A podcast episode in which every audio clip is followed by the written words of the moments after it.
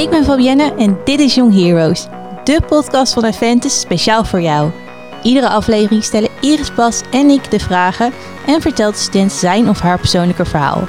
Onze jonge helden zijn eerlijk, openhartig en neem je mee in een gebeurtenis of situatie die hun leven heeft beïnvloed en vaak veranderd. Hoe gingen ze hiermee om?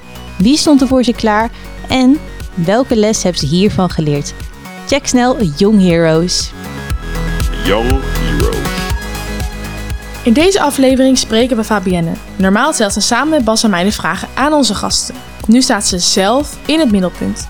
Fabienne is filmmaakster en presentatrice. Luisteren is een belangrijk onderdeel van haar werk.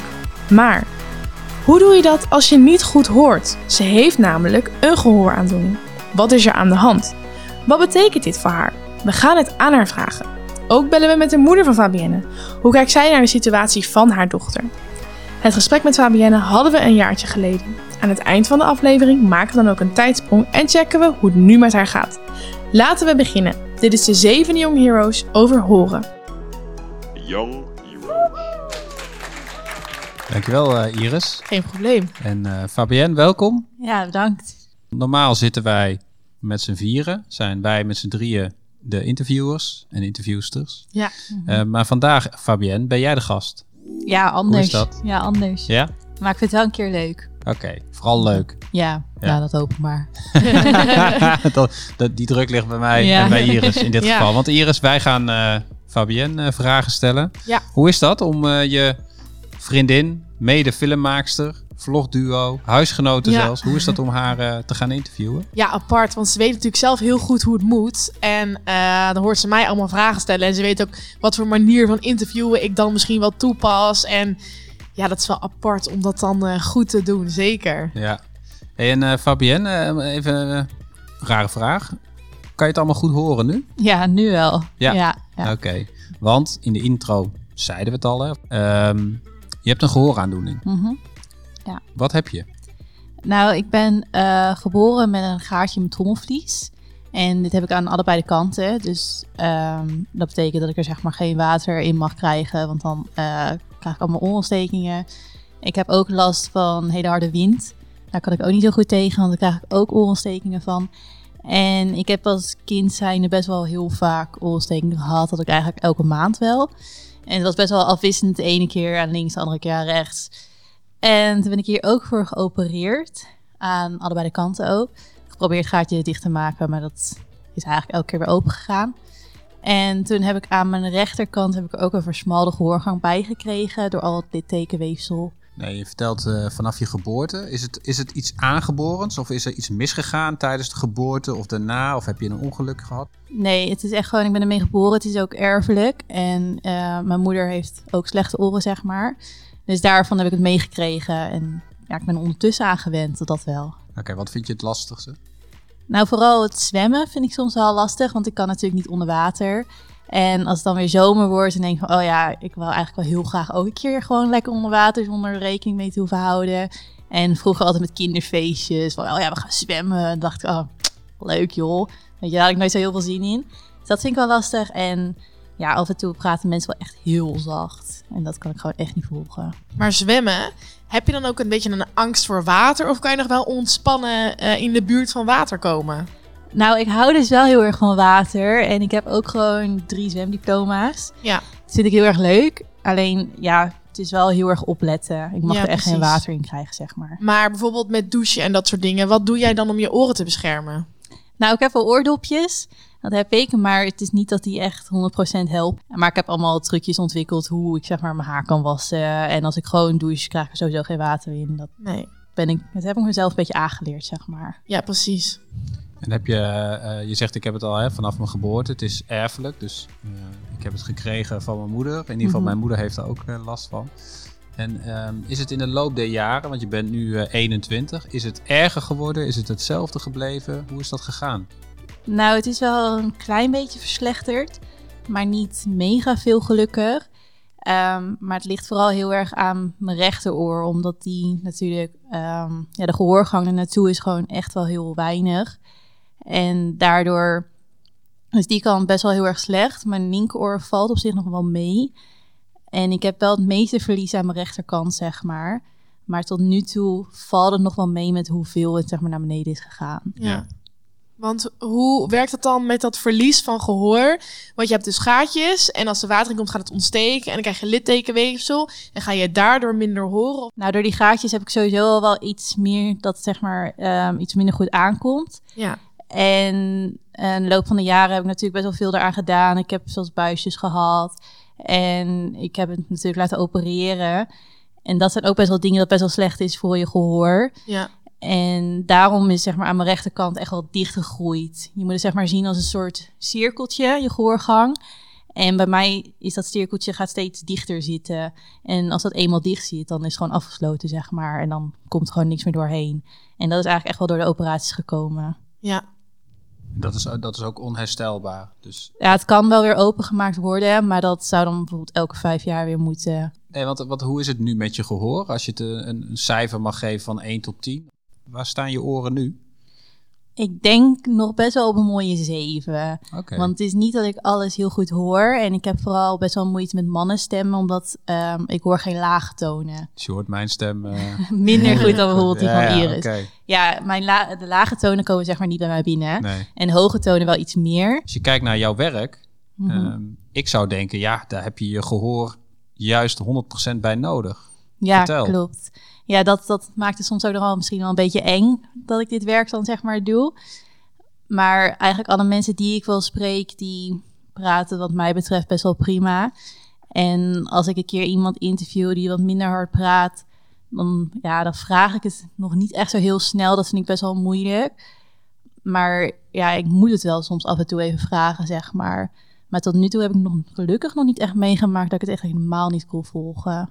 Nee, ehm, wij hebben ook samengewerkt. Hè. Je doet verschillende dingen. Je doet eh interviewtjes die voorbereid zijn of die je kan opnemen. Je doet ook live eh, shows. Mhm. Zit daar nog een verschil in? Nou, ik had bij de live show wel af en toe wel wat mensen die ik niet zo heel goed kon verstaan. En toen zaten we natuurlijk wel met die anderhalve meter. En dat is best wel een flinke afstand als ik dan ehm, mensen echt wil spreken, zeg maar. Dus dat ging soms best wel lastig. En dan had ik ook wel mensen een beetje aan de verkeerde kant staan, zeg maar. Dus dat ging niet altijd echt helemaal goed. Ja, wat maakt het voor jou dat je het, eh, je, dat noemde je net, het lastig vindt om aan mensen te vragen of ze harder kunnen praten? Ja, dat weet ik eigenlijk niet zo heel erg goed. Ik vind dat altijd een beetje van ja, jij doet iets niet goed, dus zou je even harder kunnen praten. En je hebt heel erg als je dat één keer aangeeft, dat mensen toch vanzelf wel weer wat zachter gaan praten. Want sommige mensen hebben gewoon een hele zachte stem. Ja. Dus dat vind ik wel moeilijk. En vooral als ik al twee keer heb gezegd van ja, sorry, wat zeg je? Dan denk ik gewoon, laat maar zitten, zeg Ja. maar. Ja, Want het is niet iets wat jij van tevoren even bespreekt met een gast of interviewde Nee. persoon. Van goh, ik, eh, ik hoor je misschien wat minder goed. Kun je er rekening mee houden? Nee, eigenlijk laat ik het nooit echt heel erg aan mensen merken. En soms komt het gewoon ter sprake en zeg ik gewoon ja, oh, ik zit met mijn oren. Maar in feite zeg ik het eigenlijk bijna niet tegen iemand. Nee, Nee. Is dat, vind je dat vervelend? Nou, het is meer dat ik denk dat mensen het ook niet kunnen zien. Want het is natuurlijk iets wat wel echt helemaal onzichtbaar is. Mensen die weten niet dat je last hebt van je oren. En ja, het is toch altijd een beetje dat ik denk, ja, soms ik me misschien een beetje ervoor. Ja. Want eh, Iris, jullie werken veel samen. Ehm, merk jij wanneer Fabienne iets niet hoort? Ja, ik ken Fabienne natuurlijk door en door. En ehm, vaak ook wel toen we nog samen op school zaten.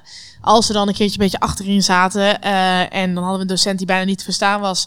Dan zie je Fabienne echt zo met geknepen ogen zo heel geconcentreerd naar zijn hoofd kijken. Dan zat ik naast haar en dan bijvoorbeeld een deadline datum of zo. Dan zei ik altijd heel snel tegen haar, ja, eh, 6 juni of eh, zo en zo laat. Ik fluisterde heel snel zo alles door naar haar. En dat is eigenlijk naarmate hoe langer ik haar kende een beetje natuurlijk gaan verlopen. We hebben nooit afgesproken van, kan je het even herhalen? Maar op een gegeven moment dan zie ik jou gewoon struggelen en dan zeg je het niet. En dan heb ik mezelf een beetje aangeleerd om dan dingen door te geven aan haar. Een soort buddy, tolk voor Ja, haar, eh, Eigenlijk haar wel. geworden. ja. Ja. Hoe, Ja. hoe vind je dat, Fabienne? Dat je iemand eh, hebt die jouw eh, tolk en buddy is? Nou, aan de ene kant wel handig. En aan de andere kant een beetje jammer dat het nodig is. Ja. Ja. Dat Ja. is het meer. We hebben het er dan ook niet echt over of zo. Het is niet van, eh oh, geef het je even door. Ik zeg het gewoon en we doen er gewoon allebei heel nuchter over. En, want anders wordt het elke keer zo'n big deal. Want het, het is natuurlijk heel vervelend als je het niet kan horen. Ja. Hey, en ehm, die live shows hebben wij eh, bijvoorbeeld gedaan, hè? Aventus Live. Dan staan we zes tot zeven uur achter elkaar eh, in de studio. Ehm, speelt dan bij jou vermoeidheid nog een rol? Wordt het naarmate de dag langer duurt, wordt het dan, krijg je er meer last van? Of Nou, dat valt op zich wel mee. Ik heb ehm, alleen best wel vaak als ik best wel moe ben, dat ik ook bepaalde suizen krijg. Dus dan kan mijn oor ook echt in één keer soort van dichtklappen. En dat is wel heel erg naar, want dan hoor ik het al echt helemaal niet, zeg maar. Maar ik heb wel bij sommige mensen ook echt heel goed moeten focussen als ze wat zeggen. En dan is dat best wel vermoeiend als je de hele dag best wel scherp moet zijn. En moet zorgen dat je het maar kan horen. Ik heb er niks van gemerkt in Nee. ieder geval. Dus je hebt blijkbaar wel manieren gevonden om het eh, ja, goed Ja. op te lossen, zeg maar. Ja, want voor mij is het gewoon... Kijk, ik leef er al 21 jaar mee. Dus dan leer je er ook wel een beetje mee omgaan. En je legt het er ook wel een beetje bij neer. En ja, je leert wel een beetje soort van maniertjes. Hey, en en eh, stel dat je een gehoorapparaat zou gaan gebruiken. Kan dat bij deze aandoening? Ja, nou, mijn oren zijn dan zeg maar weer een ander geval. Dus dat is een beetje jammer, want mijn eh, binnenoor is dus gewoon helemaal goed. Maar de gang er naartoe is dus helemaal beschadigd. En daardoor kan ik geen apparaatje in mijn oor hebben. Omdat ik dan het suisje van het apparaatje zelf hoor. En ik heb al gekeken naar een boonimplantaat. En dat zit dan zeg maar boven, boven je oor. Alleen daar gaat mijn haar de hele tijd overheen. Even voor mij en misschien voor de luisteraar. Wat, wat is een boon? Eh, ja, dat is eigenlijk een schroef dat in je schedel wordt geboord. En daarop kan je een apparaatje klikken en dan gaat het gelijk naar je slakkenhuis toe. En dat, ja, dat kan op zich wel, maar dan hoor ik ook weer te veel omgevingsgeluid en dat helpt eigenlijk ook niet echt. Oké, dus in die zin voor jou, de aandoening die jij hebt, is dat niet de oplossing? Nee, nee, voor nu zou zeg maar een operatie wel weer helpen.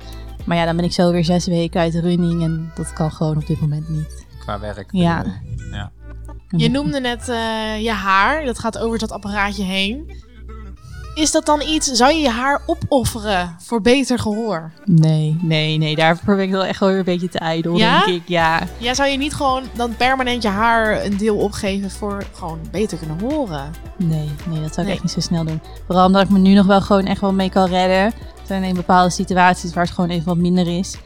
Maar ja, mijn haar is ook wel een beetje soort van heilig voor me, hoor. Dat snap ik ook wel. even, dan zoeken we even die grens op. Hè. Wanneer kies je voor een gehoorapparaat plaats van je haren? Nou, dan zou ik denk ik wel echt aan één kant bijna helemaal doof moeten zijn, denk ik. Vooral omdat mijn linkeroor nog echt best wel prima werkt. Het zit vooral echt heel erg rechts.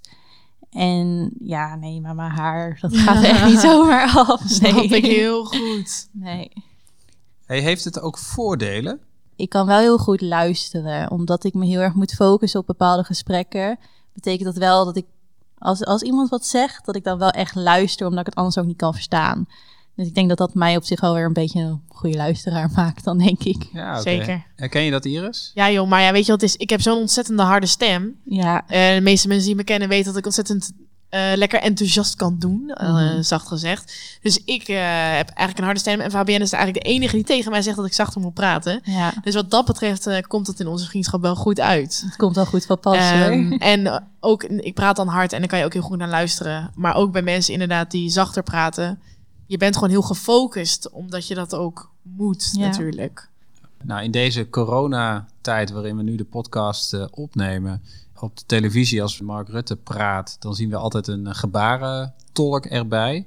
Ehm, ben jij nou iemand die ook meer op eh, gebaren van mensen let? Het lijkt me op zich best wel interessant om een keer iets van gebarentaal te gaan leren. Om Misschien ook wel een beetje van, ja, stel dat. Maar daar wil ik ook zeg maar niet te veel focussen. Maar ik vind het sowieso wel interessant om zeg maar wel met gehoor bezig te zijn. En mensen die wel echt helemaal doof zijn, die hoe hun zeg maar communiceren. Want kan je gebarentaal? Of niet? Nee, helemaal niks, nee. Nee. Zou je het willen leren? Ja, het lijkt me wel heel interessant. Dat jij ook eh, achter meneer- de Ja. minister-president eh, staat te gebaren. Ja, nou zo snel eh, zou dat wel even een paar jaar duren, denk Nou, ik. dat denk ik ook wel. Hey, en, en Fabienne, als, je, eh, als jij in gesprek bent over eh, nieuwe opdrachten of een opdrachtgever vraagt om eh, filmpjes te maken of om te interviewen, is dit iets wat je bespreekt met mensen? Nee, eigenlijk doe ik dat eigenlijk nooit. En ik denk wel dat het misschien iets is dat ik wel zou moeten aangeven. Maar dan denken mensen ook gelijk dat ze weer echt een beetje half tegen me moeten schreeuwen. En dat is ook weer niet nodig, zeg maar. Nee. Dus dat, ja, dan denk ik ook van ja, ik red het nog, nu nog wel. En speelt niet mee, ik, doe even, ik ben even suggestief, hè? eh, dat je denkt, ja, als ik het tegen een opdrachtgever zeg, dat hij misschien gaat twijfelen. Of dat hij denkt, ja, weet je, wat, wat krijg ik dan voor resultaat? Nou ja, dat denk ik niet. Want het is echt niet dat ik daardoor mijn werk minder goed kan doen. Maar even één vraag, want jij zei net, stel dat. Dat is Mhm. eigenlijk iets wat de hele tijd al een beetje in mijn hoofd ronddwarrelt. Ben je bang om doof te worden? Nou ja, nu nog niet. Omdat zeg maar me al best wel heel wat jaren een beetje hetzelfde blijft. Of echt maar een klein beetje naar beneden gaat. Maar ik denk als mijn gehoor echt in één keer heel stuk naar beneden zou gaan, dat zou ik wel eng vinden, ja. Ja, dat snap ik heel goed. Mhm. En is dat iets waar je wel over nadenkt? Of dat je dat nog helemaal wegschuift van wat betekent dat? Ja, Eh, nee, ik schuif het tot nu toe wel een beetje weg. Ik ben sowieso wel iemand die een beetje zijn problemen uitstelt. Aha. Ah, Oké.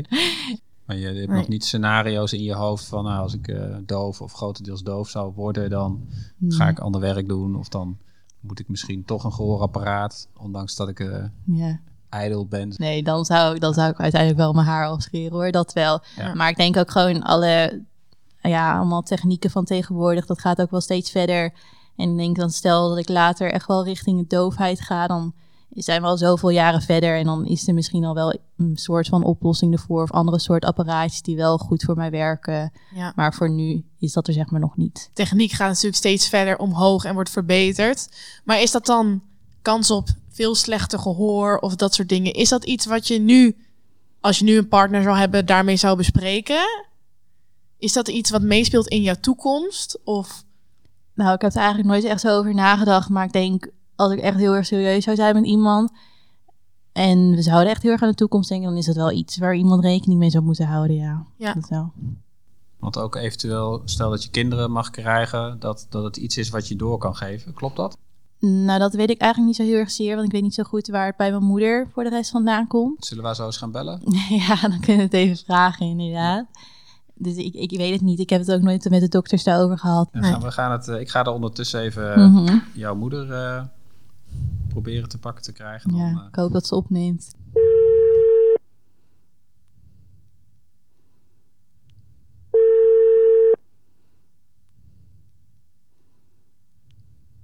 Ik had er wel een appje gestuurd, maar ja, Ja, met Willy, ik kan de telefoon even niet opnemen. Wil je alsjeblieft even inspreken? Dank heel jammer. Heel jammer. Nou, we hebben een, eh, een voicemail van Willy, de moeder van Fabienne. Dus we gaan het op een ander moment nog een keer eh, proberen. Hey, want eh, Fabienne, jouw- jouw moeder heeft ook deze klachten. Spreek je met haar daar wel eens over?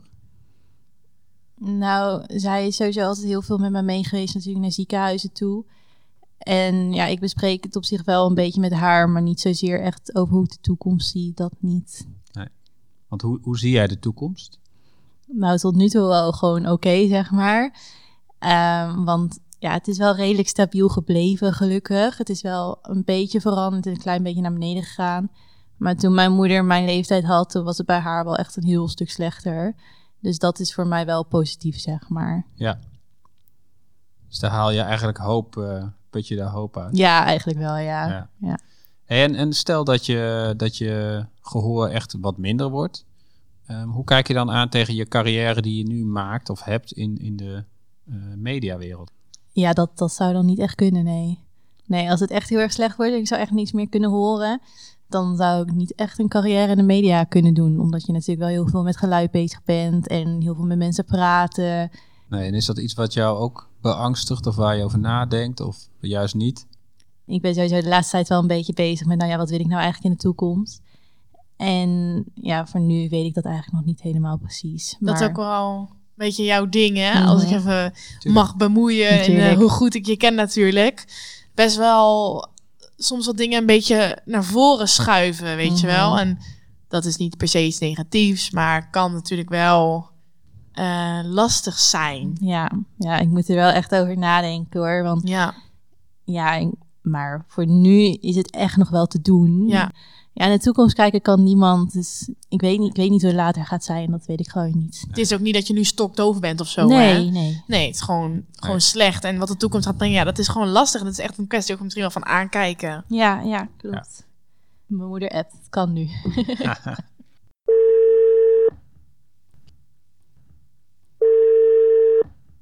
Kies. Ja, daar ben ik. Dag Willy is het hè? Ja, klopt. Ja, Ja, je. Ik had helemaal mijn telefoon uitstaan. Ik Dat- heb er helemaal niet meer aangedacht. Excuses. Nee, dat geeft helemaal niks. Maar je spreekt met, eh, met Bas Schepers en we zijn in gesprek Mhm. met, eh, mag ik je zeggen? Ja, ja. Ja, we zijn in gesprek met je dochter eh, Fabienne. En dat gaat Mhm. nou, over de gehooraandoening die ze heeft, zeg maar. En ook wat dat betekent voor het werk wat ze doet. Maar zij vertelde Mhm. ons dat, dat jij ook ehm, deze aandoening hebt, of in ieder geval een aandoening aan je oren hebt. Zou je daar iets over kunnen vertellen? Ehm, ja hoor, maar het is wel even de vraag van wat je wil weten natuurlijk. Maar het klopt inderdaad dat ik het ook heb, ja. Begin maar maar- misschien wel met iets anders dan dat zij heeft. Maar Want, want eh, jij hebt ook op jonge leeftijd eh, eh, last van je oren gekregen. Mhm. En, en hoe is dat nu? Ja, ja. Ehm, nou ja, goed, het is ehm, op een moment eigenlijk wel, wel aardig stabiel, zeg maar, het gehoorverlies. Want ik heb behoorlijk uh, groot eh, gehoorverlies. Ehm, ik hoor eigenlijk aan de ene kant nog maar 20% eh, van, van wat je zou moeten horen, aan de andere kant ook zoiets. Dus ik heb nu aan beide kanten heb ik eh, hoorapparaatjes en daar red ik me goed mee. Want tegenwoordig is die techniek wel heel erg goed. Dus ehm, gelukkig zijn ze er, laat me maar zo zeggen. Anders had ik niet eh, kunnen functioneren. Stel dat je in jouw geval de gehoorapparaatjes niet hebt. Wat betekent dat in het dagelijks leven? Als ik ze niet zou hebben, Ja? Ja, dan zou ik niet eh, de dingen kunnen doen die ik nu eh, doe. Ik, eh, ik heb gelukkig wat dat betreft gewoon een normaal leven, zeg maar. Tenminste, wat ik normaal vind. Ja. Sociaal leven en eh, ik zit in een werkkring. En als ik ze dus niet zou hebben, zou ik dus die, die beide dingen niet kunnen doen. Ik zou niet kunnen werken. Nee. Het, het, Nee. Fabienne gaf aan, het is een aandoening die erfelijk is. Klopt dat? Ja? Ja, dus... Ehm, ja, mijn opa die had het ook. Maar ik, weet- ik weet niet, in- ik heb het eigenlijk nooit laten onderzoeken of zo, wat het nou precies is, dat het erfelijk is of zo. Het is bij mij echt eh, allemaal gekomen door, door eh, oorontstekingen. Ja, want wanneer merkte, u voor, eh, merkte jij voor het eerst dat, eh, dat ook Fabienne last had van haar oren? Of dat er iets mee was? Ja, ik weet niet meer qua leeftijd hoor, hoe het was. Maar hij heeft ze ook eigenlijk altijd van jongs af aan ook altijd wel gehaald. En ik ben wel heel snel natuurlijk naar de dokters gegaan om, te- om te proberen om dat toch wel een soort van stop te zetten. En volgens mij gaat het op het moment ook wel aardig goed met Fabienne. Dat ze op het moment ook weinig eh, ontstekingen meer heeft. En ik hoop ook van harte dat het ook wel zo blijft. Dus ik hamer haar wel op dat als ze niest, dat ze voluit niest. En nou, een beetje dat soort dingen. Dat ze toch wel er rekening mee houdt dat ze het heeft. En als ze naar een concert of zo toe gaat, dat ze toch wel eh ooit op de zin doet. En Ja. eh, zuinig zijn op het gehoor wat ze nog wel heeft. Ja, maar ik- ik vind ook van Fabienne dat ze zich ontzettend goed redt in het dagelijks leven. Dat je weinig aan haar merkt. Ja, wa- wa- ja, inderdaad. Dat wou ik net vragen. Hè? Want Fabienne maakt ook Mhm. filmpjes en interviewt mensen. Als u, als u dan kijkt, hè, merkt u dan ergens aan dat, dat Fabienne toch last heeft van haar gehoor? Ehm, nee, nee. Terwijl ik haar wel ken. En ehm, op het moment dat ze aan het werk is, dan, dan merk je daar niks van. En dat, dat vind ik toch wel heel knap. Want ik denk eigenlijk wel dat ze sommige dingen eh, niet meekrijgt of zo. Maar eh, ja, ze redt zich er goed mee. Maar ik denk dat het ook wel dat het aanpassen is. Wat je, wat je dan ook wel doet. Ja. Je past je toch aan aan dingen die je niet kan, zeg maar. Dan ga je toch wel kijken om daar een, eh, een weg in te vinden hoe je dingen wel kan doen. Ja, en eh, we hebben met Fabienne net ook even gesproken over van, goh, hoe kijk je naar de toekomst? Hè? Stel dat, dat eh, het Mhm. gehoor toch verder afneemt. En Mhm. Fabienne gaf ook wel toe dat ze dat soort dingen eigenlijk wat voor zich uitschuift, daar niet over nadenkt. Eh, Ja. Herken je Nou, dat dat- als dat- moeder van Fabienne? Ja, nee, maar dat, dat geef ik haar ook wel aan. Dat, dat, dat- naar mijn idee is dat ook wel het beste om dat te doen. Om de, sowieso ben ik niet zo'n persoon dat je zorgen voor de dag van morgen hebt. En gewoon ehm, kijk naar vandaag, zeg maar. Ja. Je kunt, je kunt je er niet druk om maken van wat er allemaal kan gebeuren. Dat vind ik ook goed dat Fabienne dat niet doet. Nee, dus het is ook niet een onderwerp van eh, gesprek aan de diner of eettafel om eh, continu naar die toekomst Nee. te kijken. Nee, nee, nee, ja, op andere gebieden natuurlijk wel. Wat, wat, wil je verder? Maar niet, niet in, in- met dit niet. Nee. Je kunt je niet zoveel zorgen gaan maken van wat, wat kan er gebeuren. Ik heb zelf vanaf mijn 23 al die apparaatjes. Ik hoorde toen nog veel slechter dan dat Fabienne nu doet. Ja. Dus ik hoop eigenlijk dat het bij Fabienne gewoon stilstaat, zeg maar. En, en dat ze het hier gewoon mee gaat redden. Dat zou het mooiste zijn natuurlijk. Ja. En, en Fabienne gaf ook aan van, nou ja, weet je, ik ga niet zomaar bijvoorbeeld mijn haar of mijn eh, de, eh, opofferen voor een, een gehoorapparaatje. Is dat iets wat u begrijpt? Ja, nou, ik, ik, ik praat er natuurlijk met Fabienne wel over. En eh, ja, ik denk sowieso dat Fabienne daar zelf haar keuzes in moet maken. Dus we zorgen dus altijd dat we een beetje, hoe zou ik het zeggen, weten wat er mogelijk is en wat de gevolgen zijn. En dan hebben we het daar natuurlijk wel over van, hè, wat, wat kun je het beste doen. En, en uiteindelijk is dan Fabienne welke beslissing ze neemt. Ja. ja. En, en eh, zie je ook voordelen van eh, het feit dat Fabienne wat minder goed hoort? Misschien in haar werk of op andere manieren? Nee, nee. Nee, dit, dit gun je je kinderen niet. Nee, natuurlijk niet. Ik gun het altijd dat, dat het goed gaat met je kinderen. Ja. Nee, ik zie, er- ik zie er geen voordelen in. Van mezelf ook niet. Nee. Nee. Het is niet zo dat wat Nee. Fabienne zei, dat je, dat je nog scherper luistert of dat je geconcentreerder kan luisteren bijvoorbeeld. Je leert juist denk ik wat meer eh, negeren. Dat je bepaalde geluiden negeert. Ja, omdat het dan juist makkelijker is om die geluiden die je wel moet horen, dat je dat dus hoort. Dus Ja. je, leert wel, je leert echt wel negeren. Ja. Klinkt heel raar, maar Nee, ja, nee, en televisie is ook altijd lastig natuurlijk. Juist andere geluiden die, ja, of als je in een groep met mensen zit, ja, dat is altijd lastig. Ja. Dus eh, ja, en, ik ben zelf natuurlijk wat ouder, dus ik zeg als ik eh, in een groep met mensen kom of wat dan ook, de mensen die ik ken, dan leg ik het altijd wel uit van nou, eh, ik hoor het minder en eh, hou er rekening mee, weet je wel. Of als ik iets niet hoor, dan ligt het daaraan. Maar ja, goed, als je jonger bent, is dat lastig om dat te zeggen. Ja, maar is, is dat wel een tip aan, aan jongeren ook die misschien gehoorproblemen hebben om het altijd wel even te benoemen? Ja, het gekke van, van, van dit is natuurlijk dat het ehm, eh, hoort bij oudere mensen. Hè? Dat oudere mensen niet goed horen. Dus er zit altijd wel een soort van schaamtegevoel in. Het is best wel pijnlijk natuurlijk, want zoiets vraag je ook niet om. Nee.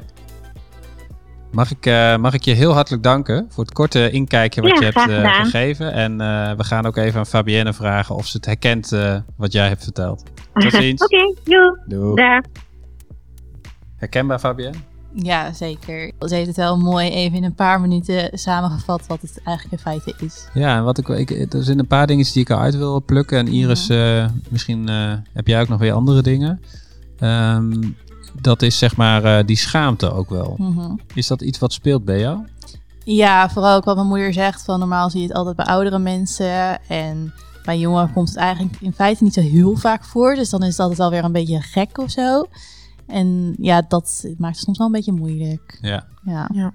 En ehm, eh, je moeder gaf dat ook aan, hè, van niet zo ver in de toekomst kijken. Dan ga ik even een soort ethische vraag aan je stellen. Hè, van, is het bij jou dat je zoiets hebt, nou ja, ik kan inderdaad niet in de toekomst kijken? Of is het ook het afschuiven van, ja, ik, ik vind dat gewoon spannend om überhaupt over een minder goed scenario te denken? Nou, ik denk dat het eigenlijk eh, allebei wel is. Want wat mijn moeder ook wel zegt van ja, geen zorgen over de dag van morgen. is ook iets dat ze me altijd heeft bijgebracht. En ja, ik denk om in de toekomst te gaan kijken wat misschien wat negatief is. Dat vind ik ook gewoon niet zo'n heel fijn toekomstbeeld voor mezelf. En ik wil me altijd gewoon heel erg richten op zeg maar het positieve wat nu wel is, zeg maar. Ja, wat Ja. je nog hebt. Ja, inderdaad. Ja. Ja. En dat gewoon koesteren eigenlijk. Bij mij viel heel erg dat stukje op dat ze zei ook in groepen, hè, dat je niet altijd wat kan horen. Nou ja, we hebben natuurlijk dezelfde vriendengroep. En nou ja, van ons twee ben ik dan sowieso de drukke, want dat is ook gewoon mijn, mijn natuurlijke aard. Maar hoe is dat voor jou in groepen? Ik krijg altijd alles mee en ik, ik ben heel alert op alles wat ik hoor. Ik kan me voorstellen dat wij met z'n tweeën ergens zijn, dat jij dan niet alles even goed kan meekrijgen in zo'n druk chaotisch gesprek met allemaal jonge mensen. Hoe vind je dat dan als dat niet lukt? Ja, dat is niet altijd leuk, zeg maar. Maar ik merk vooral als we heel erg in een groep zijn, dat ik vooral heel erg focus op de gesprekken die zeg maar naast me plaatsvinden. Ja, En dat kan ik wel gewoon best wel goed volgen, zeg maar. Maar bijvoorbeeld echt een groepsgesprek waar alles door elkaar wordt geschreeuwd, nou, dat kan ik niet focussen. Ik moet echt één gesprek hebben. Jij wordt van, ja, als we dan hè, ons twee als voorbeeld noemen, van ons twee ook wel eens dan de stille genoemd. Mhm. Vind je dat dan vervelend? Ik ben sowieso best wel rustig van mezelf. Ja, En dat vind ik ook niet zo heel erg. is ook niet iets negatiefs natuurlijk. nee, nee, nee. Dat, dat, zo ervaar ik het zelf zeg maar ook niet. Nee. Maar het is best wel vervelend als mensen ook bepaalde dingen niet willen herhalen. Ja. En dan irritant vinden, oh ja, eh, dat heb ik net al gezegd, weet je Ja. wel. Dan denk ik van ja, maar voor sommigen is dat wel wat lastiger. Is dat een situatie die je elke dag meemaakt? Of die je meerdere keren op een dag meemaakt? Of één keer per week? Ik- Nou, het valt gelukkig wel heel erg mee. Vooral omdat die mensen die ik om me heen heb, die weten het zeg maar ook wel. En die houden er ook wel rekening mee. Maar bijvoorbeeld als ik mensen niet ken en ik heb er een gesprek mee... of Ja, soms ook nog wel bij vrienden. Als ik dan gewoon... Ja, ik vind het zelf ook vervelend als ik iemand drie keer moet vragen van... Ja, wat zeg je? En dat vind ik zelf ook irritant. Maar dan hoor ik het gewoon echt niet. En dat vind ik soms wel echt ja, Ja. een beetje kut eigenlijk. Ja. Ja. Zijn er dingen die je echt uit de weg bent gegaan? Dat je zegt, nou, die heb ik, dat was een kans of dat was een, een interview of iets wat ik zou kunnen doen, maar dat heb ik niet gedaan, hierom. Nee, dat, dat niet zozeer. Maar ik merk soms in mijn sociale leven dat het wel lastig is, zeg maar. Ik merk dat vooral heel erg op mijn eh, afgelopen stage. Toen hadden we best wel een hele volle kantine. Maar dat was wel heel hol. En daar hoorde ik gewoon echt helemaal niks. Zelfs iemand die gewoon naast me zat, kon ik gewoon niet plaatsen wat diegene zei.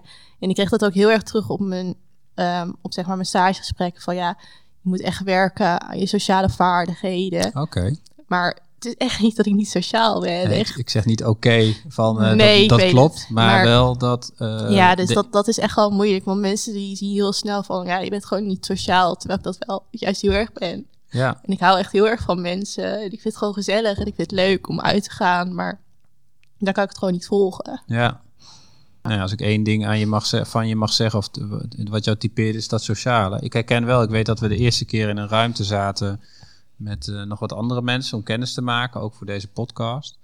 En dat jij inderdaad heel rustig was, maar ook, ik, ik, zag, je, ik zag je ook gewoon luisteren. hè. Mhm. dus, en ik wist niet dat, eh, dat jouw gehoor ook een rol speelde, dus ik dacht, hé, hey, ben je nou iemand die inderdaad nou, heel geconcentreerd luistert? Is het iets wat je herkent, Iris? Ja, ik kan me nog wel herinneren dat wij wel eens in groepsituaties hebben gezeten waarbij je ook iets niet kon verstaan. Dan een paar keer zei van wat zei je en dan ehm, soms kunnen mensen daar echt vervelend op reageren van dat je toch een beetje die zuchtende intonatie van ze krijgt van ja, eh, ik bedoel eh, dit en vaak in zulke situaties, je bent natuurlijk mijn allerbeste vriendin, doet het mij ook. Ik weet dan dat dat jou verdriet doet als zo, mensen zo reageren. Dus dan ging ik of de vraag gewoon keihard herhalen. En schreeuwde ik gewoon, ja, ze wou dit even weten. Dan maak ik er een beetje een grapje van. Of eh, we hebben ook wel eens gehad dat we het tegen, toch ook wel samen of zo tegen mensen hebben gezegd. Want als je in je eentje zo in zo'n situatie zit en als mensen al een beetje boos reageren op dat jij het weer niet kan horen, hè, tussen aanhalingstekens, vind je het dan nog, nog moeilijker om dan te zeggen van ik, ik heb iets aan mijn oren, daarom hoor ik je niet? Ja, ik vind het altijd wel lastig omdat mensen dan gelijk zo van denken van... oh ja, dan moet ik weer voor jou wat extra moeite doen misschien. En Ja, wat harder praten, terwijl de rest kan me wel allemaal horen. Weet je, dat is wat ik terugkrijg. ja, En dat is gewoon niet zo leuk. Want ik Nee. kan hier gewoon echt letterlijk niks aan doen. nee. Snap je? En dan denk ik van ja, ik wil ook gewoon lekker meekomen in zo'n groep. Ja, Dat, dat maakt het wel echt stom, zeg maar. ja. Want ik weet nog wel dat jij op je stage inderdaad terugkreeg van eh, je sociale contacten. En dat ik zei, nou... En dat je toen zei van, komt door, mijn, het komt door mijn oren, kan ze niet verstaan. Toen dacht ik, oh ja, oh ja. Want als je jou echt kent, dan weet je dat je zo'n ontzettende sociale eh, meid bent. Maar als je dan teruggaat naar die kantine, waar je dan iets niet kan horen, heb je dan soms ook een gevoel van, van eenzaamheid? Of dat je dan gewoon in, in- aan, het, ja, aan het leven bent en je, en je kan niet meekomen, je hoort het niet, je kan het niet plaatsen? Ja, in bijvoorbeeld zo'n kantine kan je je best wel heel erg eenzaam voelen. Want dan wil je best wel meedoen met zo'n gesprek. En ik heb altijd Ja. echt wel iets te vertellen. Ja, Maar dat hoor ik dan gewoon niet. En dat maakt wel heel erg moeilijk. Maar op een gegeven moment werd het wel gelukkig wat warmer. Wat beter weer. Dus heb ik al heel vaak gezegd, oh, zullen we lekker met z'n allen buiten eten? ja, En dan is het, gaat het al veel beter. En dan kan ik ook gewoon meekomen in zo'n gesprek, zeg maar. ja. Maar die kantine was wel echt een ramp, zeg Maar, maar. heb je dat aangegeven op je stage? Ja, dat vroeg, dat vroeg ik Ja. me ook af. Had je, had je van tevoren of had je verteld dat je... Ja, ik heb het ehm, wel aan mijn stagebegeleidster verteld. Maar wel heel snel. En van, oh ja, maar ik rep me wel. Weet Ja. je, want ik wil ook niet... Ja, weet je wat Iris zegt? Weet je, ik wil niet zielig gevonden worden of zo. Want het hoeft echt totaal niet. Want ik rep me ook wel. Alleen in bepaalde situaties is het gewoon even wat moeilijker. En Ja. zouden mensen er even wat meer rekening mee kunnen houden. Ja, Ja, maar het is gewoon heel snel dat mensen toch gewoon een beetje in een oude patroon weer terugvallen. ja. Omdat ze tegen iedereen op zo'n toon praten. En dan denken ze daar niet aan van, oh ja, voor Fabienne moeten we even wat harder praten, zeg maar. Wat je, zoals je het nu vertelt, hè, als ik stel dat ik opdrachtgever ben of ik ben jouw eh, collega, ik zou dat heel prettig vinden. En ik, eh, ik zou het ook absoluut niet zien als van, nou, ik moet, ik, eh, zij is zielig of wat dan ook. Hè? Maar heb jij dat gevoel dan toch? Ja, ik heb altijd iets van, ja, met mij hoef je geen rekening te houden, zeg maar. Ik ben sowieso wel iemand die best wel gewoon voor mezelf zorgt. En dan heb ik er ook niet zo heel veel zin in dat andere mensen daar dan moeten denken. En denk van ja, laat maar gewoon zitten, weet je wel. Naar de luisteraars, misschien jonge luisteraars. Hè? En, en de, je hebt, eh, jij hebt een gehooraandoening, maar er zijn natuurlijk nog wel meer klachten of aandoeningen. Hè? Je, gezichts, eh, dat je wat minder eh, goed ziet. Of andere ongemakken die je misschien niet direct aan iemand aan de buitenkant ziet. Wat, wat zou je advies aan hen zijn? Ja, door het wel gewoon aan te geven, ook al doe ik dat zelf niet. Maar dat is wel, wel belangrijk, zeg maar. Dat wel, want dan kunnen mensen wel rekening houden als ze dat zeg maar willen. En ik weet ook wel van mezelf dat ik dat wel meer moet doen. Maar het is eigenlijk gewoon altijd iets, ja, ik zeg dat pas heel laat of gewoon helemaal nooit, zeg maar. En is er iets, als ik sta af en toe met Aventus Live of met een talkshow naast jou, is er nou iets waarvan je zegt, hey Bas, dat moet je dus absoluut niet doen? Nee hoor. Nee, helemaal geen last van gehad. Echt Nee, helemaal niks, oké. nee. En heb jij dat wel, eh, Iris, dat je eh, af en toe van Fabienne een tip krijgt? Ehm, nee, in principe niet. We hebben wel eens eh, met iemand die nog niet helemaal wist over haar oren, die fluisterde dan elke keer wat naar mij. En dan moest ik erom lachen en vaak mocht het dan niet weten. Dat was dan een flauw grapje. En toen zei Vaap een keer tegen mij: Ik vind het eigenlijk heel vervelend als je grapjes maakt over gehoor. En dan, toen dacht ik pas: verrek.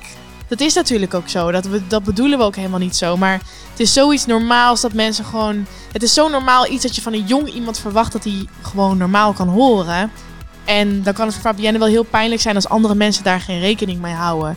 Dus nu sta ik altijd scherp op: kan zij het horen? Is alles oké? En ik kan soms ook echt wel een beetje boos worden als ik met haar ergens ben en iemand die doet niet normaal. En als ze vragen: kan je wat harder praten? Dat hij dan niet luistert. Dan komt er echt een soort van.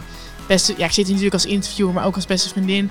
Komt een soort van beste vriendin oerkracht omhoog. Dat ik echt wel kan zeggen van. Ze vraagt of je harder kan praten. Ja. Weet je, wel, dan kan ik echt wel een beetje gefrustreerd worden. Omdat ik weet hoe ontzettend vervelend het voor Ja. haar is. Ja, en ik denk ook wel dat wel meer mensen dat hebben, zeg maar. Die, die beseffen niet hoe dat zeg maar overkomt aan de buitenwereld en hoe dat zeg maar voor jezelf is. En dat maakt het soms wel moeilijk, want soms ja, grapjes maken en zo vind ik gewoon echt niet leuk. Nee. Nee. En grapjes over het gehoor bedoel je? Ja, ja, de rest kan ik allemaal hebben hoor, dat maakt me allemaal niks uit. Maar over het er gehoor, Het komt er dichtbij. dat vind ik niet leuk, nee. Nee. Iris, heb jij nog eh, eh, een prangende vraag voor Fabienne? Nee, eigenlijk alleen maar nog een, een boodschap. Ik zei het net ook, ik zit hier als interviewer, maar natuurlijk ook als je beste vriendin. En eh, ik zal altijd beschikbaar zijn als eh doventolk of uh, noem het maar op. Ja. En ik sta er maar al te graag voor open om samen met jou gebarentaal te leren. Mocht het ooit nog nodig zijn, dan kan ik het in ieder geval. Ik denk dat je heel sterk bent en dat ik, ik vind het heel knap dat je zo open hebt durven vertellen daarover. En, en Fabienne, heb jij nog iets wat je wil vertellen waarvan je van tevoren dacht van nou dat, eh, dat laat ik graag aan bod komen? Nou ja, ik denk gewoon dat het wel belangrijk is dat mensen ervan bewust zijn. En dat ze geen grapjes over maken. Geen grapjes. Ik wil je wel heel erg bedanken Fabienne ja, voor je verhaal. En eh, Iris, jij bedankt voor eh, de aanvullingen en vooral je goede vragen. Ja, dankjewel. En eh, tot de volgende keer. Even een flash forward. Mijn gehoor is stabiel. Ik heb gelukkig al lang geen oorontsteking meer gehad en de zomer ben ik zwemmend doorgekomen zonder problemen. Soms moet ik mij nog wel even inspannen om een gesprek te kunnen volgen. Dat verandert niet tot er een oplossing komt voor mijn probleem. Ik merk ook dat ik er vooral de laatste tijd niet meer echt bij stilsta, omdat ik me vooral focus op leuke dingen. In onze volgende aflevering stellen we onze vragen aan Max. In zijn jonge leven heeft hij al veel voor zijn kiezen gekregen. Hij dacht dat hij het alleen wel kon oplossen. Hij zocht geen hulp en praatte niet graag over zijn problemen. Toen ging het mis. Wat gebeurde er? Wat heeft hij gedaan? En welke les leerde dit hem? Max vertelt de volgende aflevering zijn verhaal. Wil je deze aflevering niet missen? Volg Young Heroes. Deze aflevering is gemaakt door Iris Wattier, Fabienne Heijink en Bas Schepers. Ramiro Martina verzorgde de montage. De eindredactie is in handen van Tim Heltjes en deze productie kwam tot stand dankzij Aventis. Verder praten over deze aflevering? Check de socials van Aventis of mail naar socialmedia.aventis.nl.